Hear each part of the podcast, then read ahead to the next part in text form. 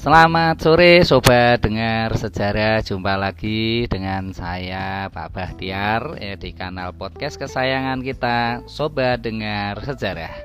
Oke masih dalam suasana uh, Sumpah Pemuda ya. Pada edisi kali ini Saya akan mengulas beberapa tokoh Yang berperan penting Di dalam pelaksanaan uh, Kongres Pemuda uh, yang akhirnya menghasilkan uh, suatu rumusan uh, Sumpah Pemuda.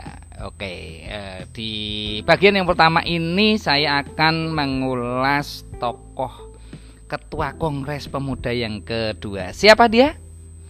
Iya, dia adalah Pak Sugondo Joyo Puspito. Oke, Pak Sugondo Joyo Puspito ini uh, tokoh pemuda uh, yang berhasil memimpin uh, Kongres Pemuda Indonesia yang kedua, di mana dalam kongres uh, tersebut akhirnya dihasilkan uh, suatu ikrar yang kita kenal dengan ikrar uh, Sumpah Pemuda dengan uh, label ya moto ya satu nusa satu bangsa dan satu bahasa Indonesia.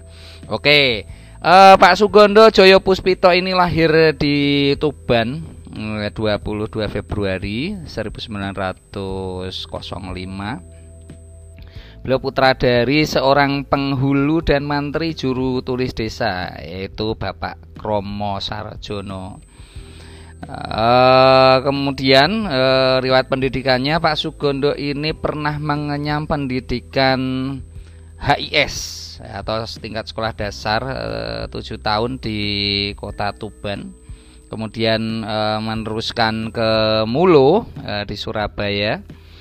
Dan beliau juga sempat dititipkan atau mondok di rumah tokoh syarikat Islam yaitu Hos Cokro Aminoto. Nah, di sana uh, beliau berjumpa dengan uh, bapak bangsa kita yaitu Insinyur Soekarno.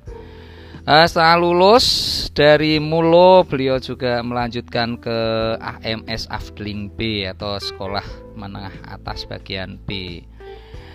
Uh, keinginannya yang kuat untuk melanjutkan pendidikan mengantarkannya uh, pada jenjang yang lebih tinggi. Uh, beliau kemudian melanjutkan pendidikannya di Reh Sogeskul de Batavia atau Sekolah Tinggi Hukum yang di Jakarta pada tahun 1924. Uh, selanjutnya uh, beliau kemudian aktif uh, di beberapa media, ya antaranya adalah uh, majalah Indonesia Merdeka yang uh, diasuh oleh Muhammad Hatta, uh, terbitan Perhimpunan Indonesia yang ada di negeri Belanda. Uh, beliau kemudian uh, bersama para pemuda-pemuda lainnya mulai memikirkan suatu yang uh, lebih penting daripada sekedar hidup nyaman di bawah kolonialisme yaitu menentukan uh, nasib kemerdekaan bangsa Indonesia. Uh, setelah lulus uh, mencapai uh, mendapatkan ijazah ya di sekolah hukum tersebut beliau aktif dalam organisasi-organisasi e, pergerakan e, di antaranya adalah e, Persatuan Pemuda Indonesia atau yang dikenal dengan PPI organisasi yang e, didirikan e, di negeri Belanda. E, Pak Sugondo Joyo Puswito ikut serta dalam kegiatan e, kongres yang pertama yaitu tahun 1926 Beliau kemudian juga aktif eh, di Kongres Pemuda yang kedua pada tahun 1928. Eh, bahkan di dalam Kongres Pemuda yang kedua tersebut, beliau terpilih menjadi ketua. Nah, ini disetujui oleh eh, Bung Hatta dan eh, Insinyur Soekarno. Mengapa beliau ini terpilih e, menjadi ketua kongres? E, di antaranya karena beliau ini adalah anggota PPI, sebuah eh, organisasi Persatuan Pemuda nah, yang menjadi wadah pemuda independen waktu itu yang bukan berdasarkan kesukuan. Uh, Kongres Pemuda yang beliau pimpin pada tahun 1928 uh, ini menghasilkan uh, Sumpah Pemuda yang terkenal di mana para pemuda saat itu setuju dengan uh, trilogi ya moto ya satu nusa satu bangsa satu bahasa Indonesia. Uh, trilogi ini lahir ya pada akhir kongres di mana saat itu uh, Muhammad Yamin yang ngobrol-ngobrol dengan eh, Pak Sugondo Joyo Puspito ini kemudian menyodorkan secari kertas eh, kepada Pak Gondo seraya berbisik saya mempunyai rumusan resolusi yang lebih luas nah, dalam secari kertas tersebut tertulis tiga kata yaitu satu nusa, satu bangsa dan satu bahasa. Melihat hal tersebut, eh, Pak Sugondo Joyo Puspito kemudian memberi paraf pada secari kertas tersebut yang menyatakan beliau setuju. Hal ini diikuti oleh eh, anggota lainnya. Selain ketiga trilogi atau eh, ikrar tersebut, ya, di, juga disepakati adanya suatu lagu yang nanti akan menjadi lagu kebangsaan ketika e, negara Indonesia ini mencapai kemerdekaannya yaitu e, Indonesia Raya ciptaan BR Supratman.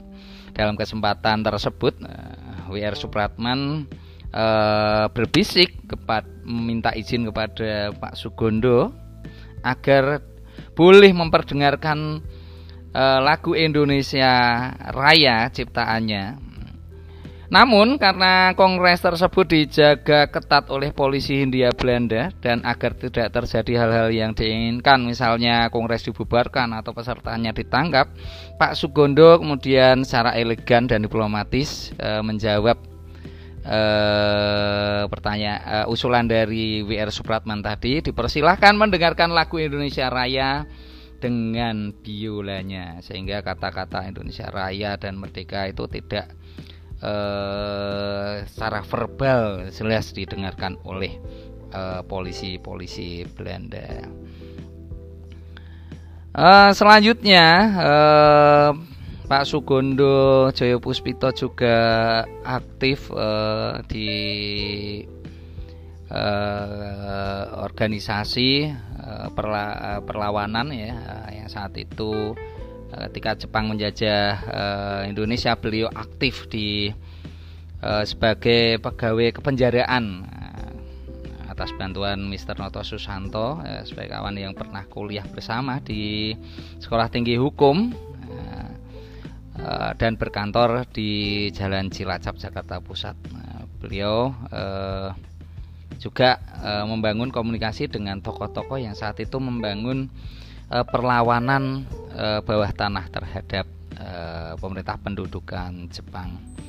Ketika uh, Indonesia merdeka pada masa tersebut uh, Pak Sugondo Joyo Puspito sempat menjabat uh, di dalam kabinet Halim uh, saat uh, ini tepatnya ketika uh, Indonesia ini menjadi Republik Indonesia Serikat di mana Republik Indonesia ini menjadi bagian Republik Indonesia Serikat tersebut uh, dengan acting presidennya adalah Mr. Asaat. Nah, di situ Pak Sugondo Joyo Puswito diangkat di dalam kabinet uh, Halim sebagai Menteri Pembangunan Masyarakat dan jabatannya di BPKNIP ini juga uh, digantikan oleh Johan Sahruzah yang ia kenal baik. Uh, mungkin itu ya uh, ulasan saya ya, terhadap uh, Mister uh, Pak Sugondo Joyo Puspito. Uh, beliau orang yang luar biasa atas jasa-jasanya pemerintah uh, Republik Indonesia pada tahun 1978 memberikan tanda kehormatan Republik Indonesia berupa bintang jasa utama. Uh, Kemudian e, namun uh, uniknya sampai saat ini beliau belum diakui sebagai pahlawan nasional. Hmm, cukup gimana gitu rasanya ya. Walaupun sudah diusulkan uh, beliau ini sebagai pahlawan nasional, padahal jasa-jasa ini cukup besar sekali loh. Oke, mungkin itu dari saya ulasan tentang Pak Sugondo Joyo Puspito, seorang Ketua Kongres Pemuda dua yang berhasil melahirkan ikrar Sumpah Pemuda. Terima kasih, mohon maaf atas segala kekurangan dan e, jika ada tutur kata yang kurang berkenan, semoga banyak ilmu yang bisa kita ambil.